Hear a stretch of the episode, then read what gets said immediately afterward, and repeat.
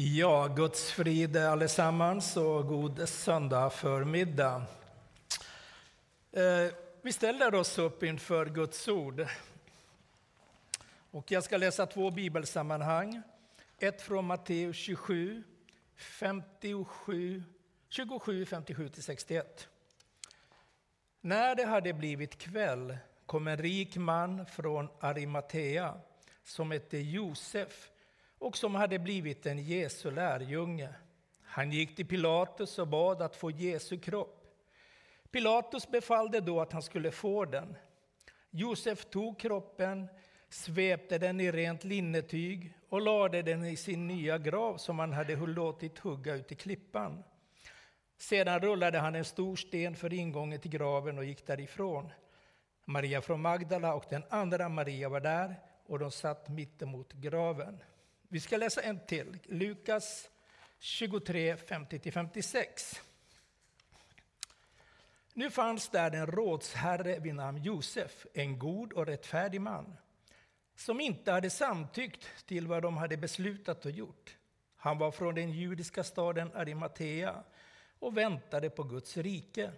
Han gick till Pilatus och bad att få Jesu kropp.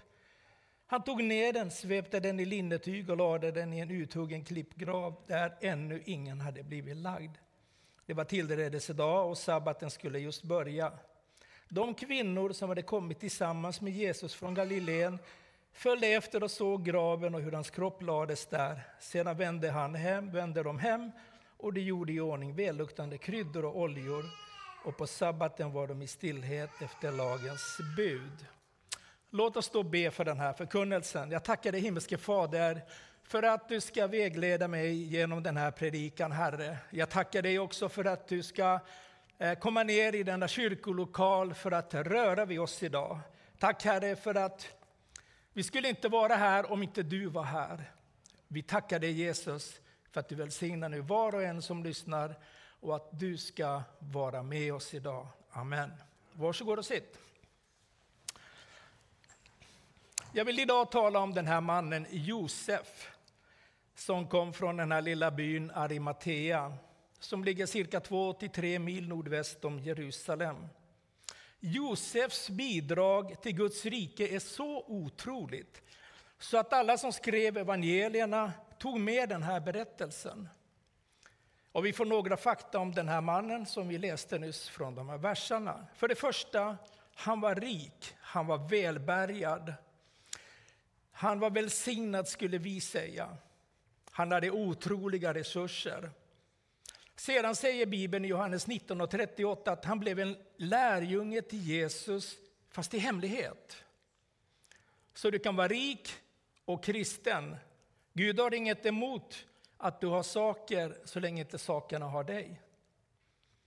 Och sedan notera att den här mannen med alla sina förmågor, med alla sina möjligheter, med all sin rikedom och all sin prestige och att hans namn var känt och att han var populär och att han var medlem av det judiska rådet Synedriet som var det religiösa politiska systemet på den tiden. Han var inne i systemet men lät sig inte påverkas av det. Han hade, han hade möjligheten att påverka han hade inflytande, rikedom, möjligheter. Men han förstod att det här handlar inte om honom. Det jag vill att du ska se är att den här mannen som kunde gå dit ingen annan kunde gå. Han hade anförtrotts med mycket. Han hade förtroendet att göra saker och ting som inte många andra hade. Och när det kom till att påverka Jesu kropp, hans fysiska kropp som hade blivit korsfäst, så kunde den här mannen använda sitt inflytande, sina förmågor, sina gåvor, rikedomar. Och han insåg att detta gav honom en fördel att gå dit ingen annan kunde gå. Så då gick han till Pilatus och bad om att få ta ner Jesu kropp. Och han hade förstått att det var Gud som hade gett honom all den här rikedomen och allt det han hade, inflytandet, hans popularitet och prestige, allt var givet av Gud för att kunna påverka Kristi kropp. Han tänkte, jag behöver få Kristi kropp till min grav för att förbereda honom och lägga honom i graven. Och jag bryr mig inte om i vilket skick han är i, för jag tänker flytta honom från en position där han är död till en position där han uppstår. Och det är mitt ansvar. Tänk på det här. En man flyttade på Kristi kropp från det den var till det den borde vara. Och han förstod det här, att Gud har inte välsignat mig med allt det jag har för min skull. Utan som Paulus säger, Kristi kropp, att vi är hans kropp på jorden.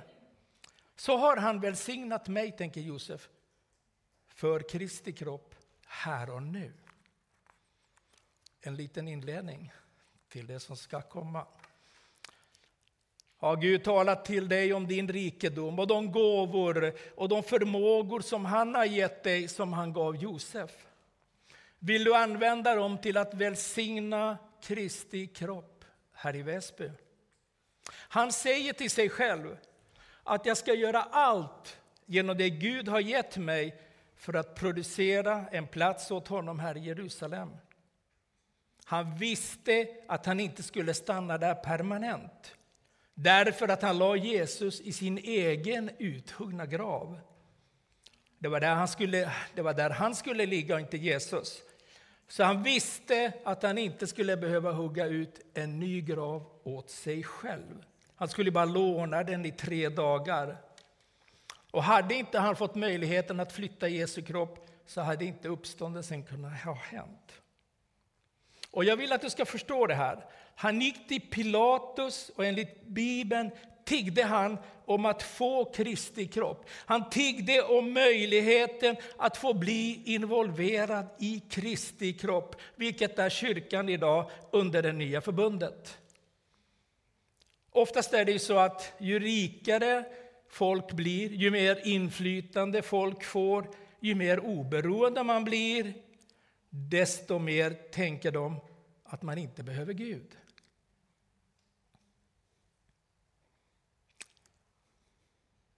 Han ska vara glad att han har mig, kanske man tänker till och med. Men Josef var en annan åsikt. Han tänkte så här. Gud har välsignat mig med så mycket.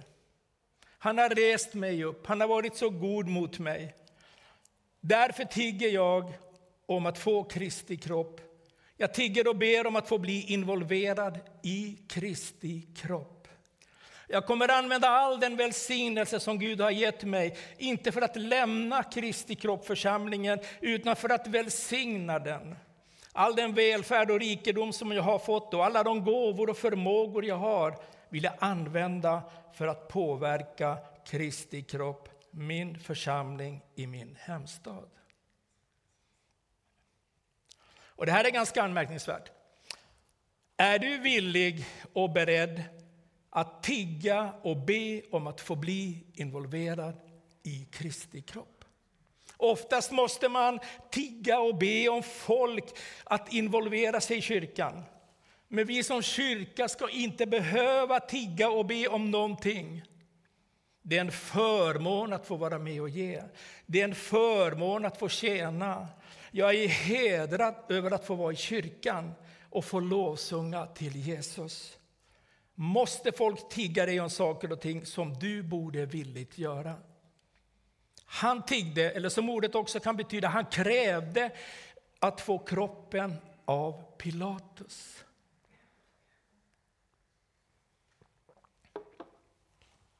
När han hade fått kroppen lade han den i sin grav.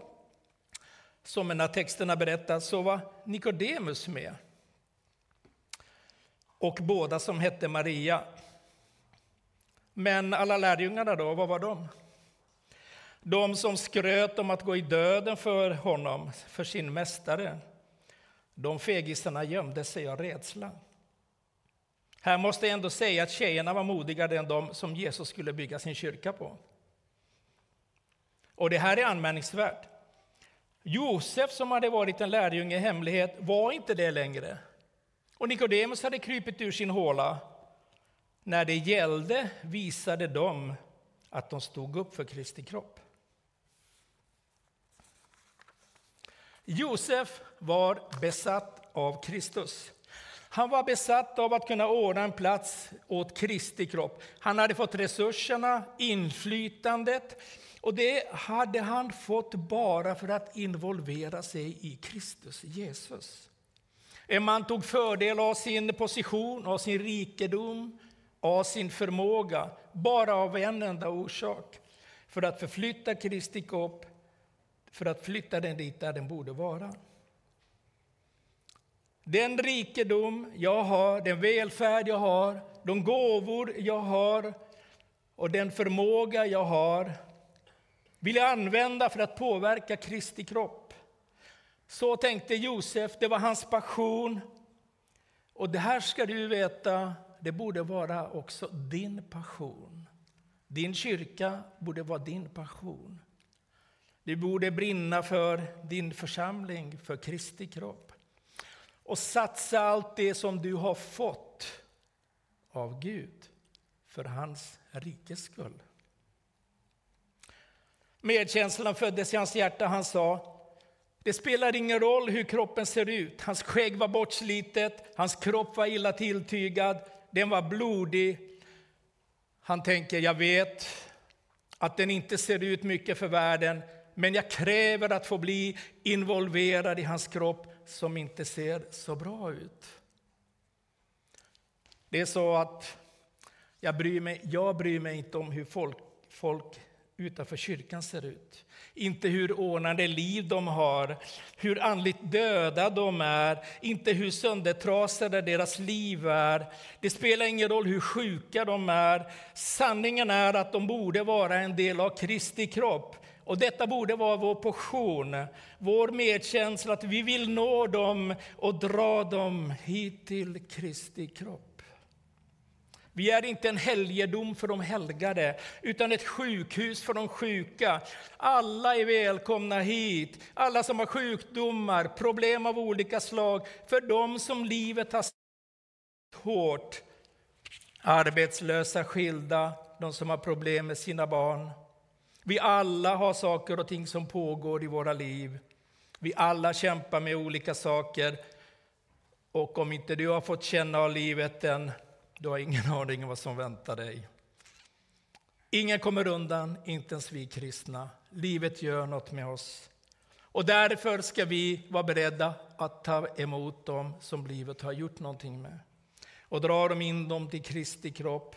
För vi brinner för vår kyrka, vi brinner för vår tro och vi vill ha människor hit till oss, tillsammans med oss och fira vår Kristus. Han har lovat att vara med oss till livets slut. Det står i Bibeln att så fort han hade fått Kristi kropp så lade han rena linnetyg på honom. Han svepte in honom i linnetygen. Och detta talar om hans helighet. Med andra ord sa han, att om jag ska bli involverad i Kristi kropp som är kyrkan så måste jag ta hänsyn till hans helighet, hans renhet. Om jag ska bli involverad i kyrkan, i Kristi kropp, så måste saker och ting ut ur mitt liv. Så nu tog han kroppen från en position av död och klädde honom och la honom i en uppståndelseposition. Han sa, jag vet att uppståndelsen kommer. Och vi ska berätta om Jesus och om hans uppståndelse så att andra som kommit till tro kan förflyttas från en döds, död position till att stå upp och bli levande andligt sett. Det är vår kallelse att verka för väckelse. Men då måste vi vakna först. Då måste vi få nöd för dem som är på fel väg. Och vi ska involvera dem i Kristi kropp och vägleda dem till Kristus så att de också kan upptäcka honom som Gud har uppväckt. Det är därför vi möts i gudstjänst, det är därför vi har en kyrka att gå till. Det är därför vi ska uppmuntra varandra att gå till kyrkan, ge till kyrkan. Eller vill du att andra ska betala för kyrkobyggnaden och alla anställda och för verksamheten? Ska alla andra betala men inte du? Ska du kritisera Kristi kropp och allt som händer där? Eller Tänk, ska du vara en del av Kristi kropp? Du måste bestämma dig om du vill vara involverad eller inte. Inget halvhjärtat, helhjärtat. Det kommer att komma en stor väckelse i Sverige. Massor av människor kommer att komma till tro. Det kommer att ske mirakler, de kommer att bli helade, döpta i den helige Ande. Vi måste positionera oss. Dina döttrar och söner kommer att profetera när de blir döpta i Anden. Och Gud säger att vi måste få en vision om detta, förbereda oss för att ta emot dem. Så min uppmaning till dig är idag, ta din tro på allvar, låt ditt liv få betydelse. Var villig att tjäna Gud i din församling. Be honom utrusta dig. Be om att få bli delaktig i Kristi kropp. Josef krävde att få bli delaktig av Kristi kropp. Han ville bli involverad i Kristi kropp, som är församlingen här idag. Är du villig att göra detta? Vill du tjäna din Gud med det han har gett dig? Med dina gåvor, med dina förmågor, med din rikedom, med ditt inflytande och med allt det som du har fått. Är du villig att göra detta? Vi har en värld utanför som är på väg åt fel håll. Vi sitter med sanningen. Vi ska inte låsa in sanningen. Vi ska berätta om sanningen.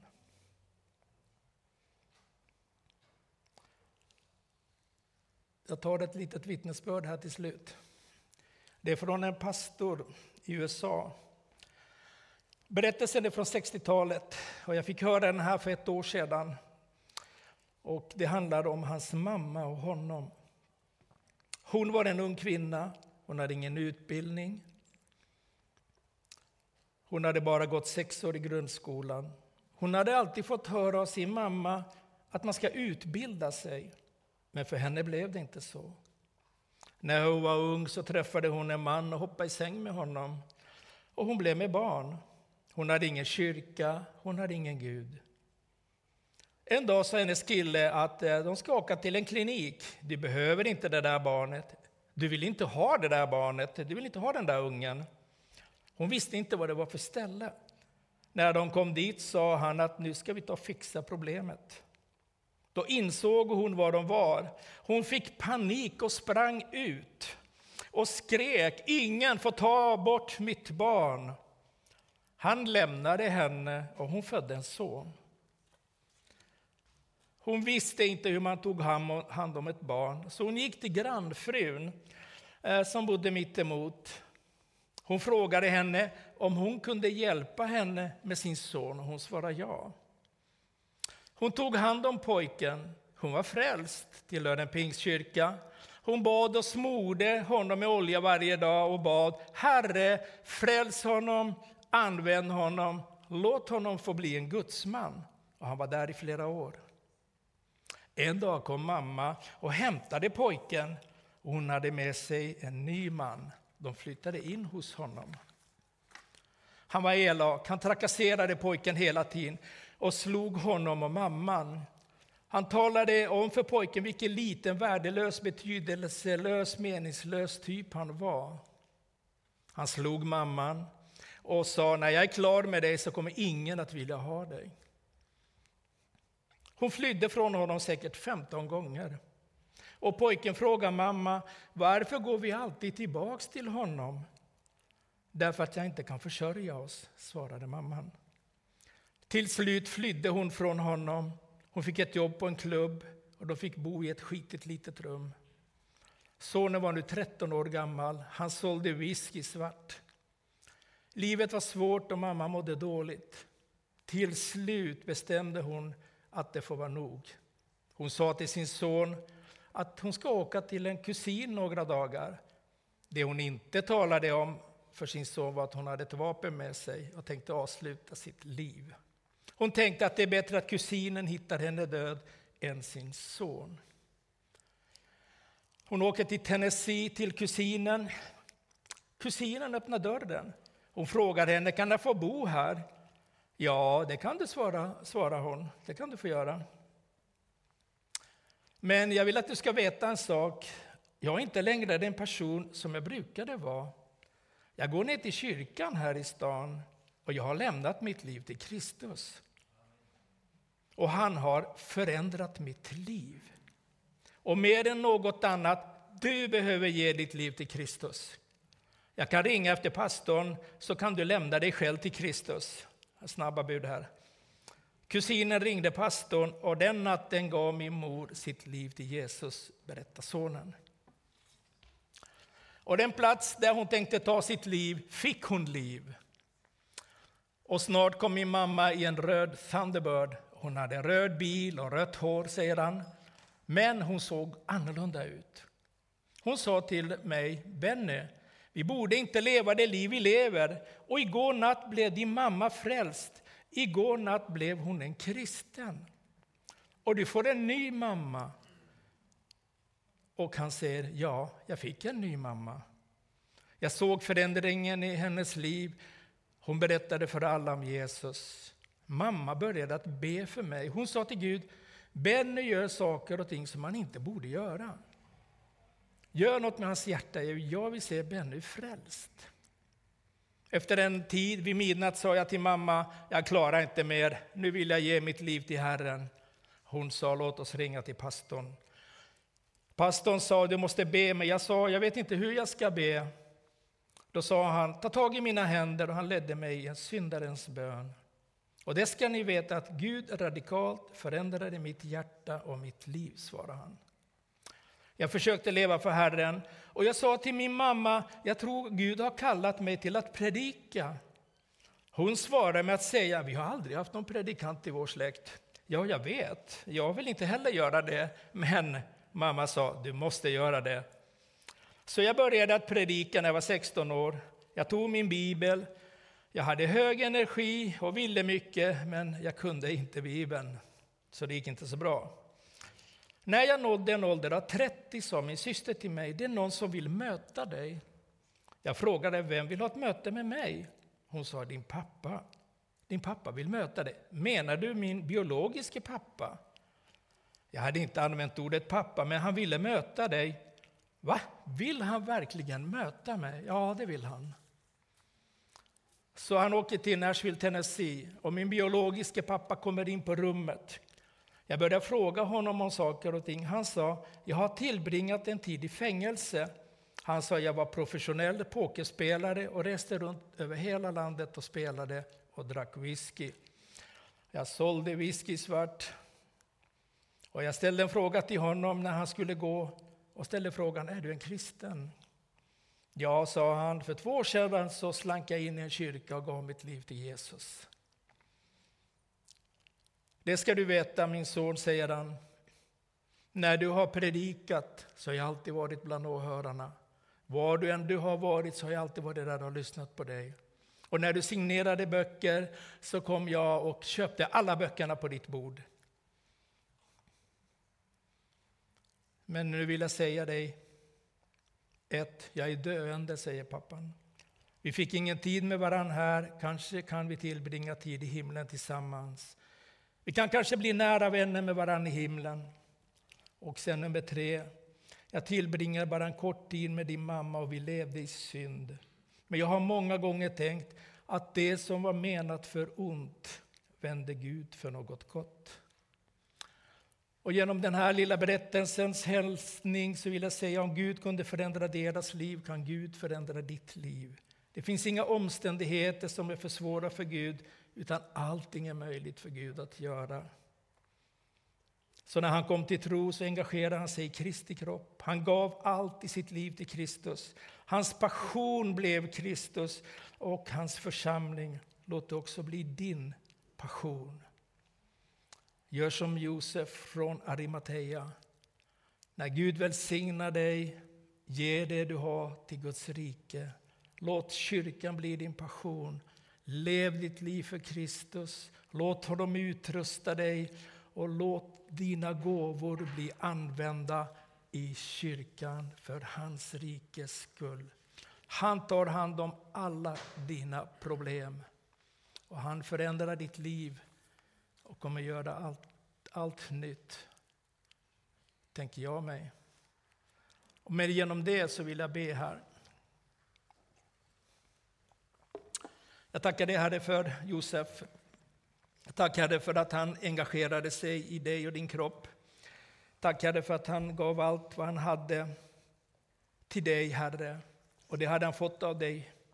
Jag tackar dig Herre för att vi som är här idag ska kunna inspireras av Josef sätta all vår energi och allt vi har för Kristi kropp Herre. Välsigna oss som Kristi kropp Herre. Tack Herre för att du ska röra vid oss. Tack för att du ska vägleda oss och guida oss. Tack Herre för att det finns inga omständigheter som är för svåra Herre, som inte du kan lösa. Jag tackar dig Jesus för att du har gett så mycket. Du har tagit hand om oss så, så mycket Herre. Och vi tackar dig alldeles för sällan för det du gör Herre. Vi tar det för givet. Eller så är det någonting annat. Jag tackar och prisar och ärar dig Herre för att du ska vara med oss. Välsigna var och en här inne Herre. Jag tackar dig Herre, prisat och ärat vare ditt namn. Jag ser att du står framför en mur och du kommer inte över och du kommer inte under och det finns ingen öppning. Men så säger Herren, han som har kallat dig. Det finns inga murar som kan stå i vägen för min kraft. Och det är min heliga Andes kraft ska krossa muren framför dig och släppa ut dig. Och du ska få komma ut på en grön äng och få vila från allt det som du har gått igenom. Jag vet vad du har gått igenom. Jag har vakat över dig. och jag kommer ta hand om dig. Och till dig sedan, jag har kallat dig till att gå ut med budskapet om mig. Min kallelse ligger stark över dig. Du kommer att få betyda mycket för det här landet. Det här landet förflyttas in i en ny tid snart. Mycket elände kommer att komma över detta land. Ni har bara sett början. Men den som litar på mig och tror på mig och vill gå med mig, den kommer att klara sig. Och jag ska använda dig. För många, många ska omvända sig till mig. Och det är jag som drar dem hit till ert hus, eller till mitt hus. Utrusta er. Be om den heliga Andes kraft. Tack. Amen.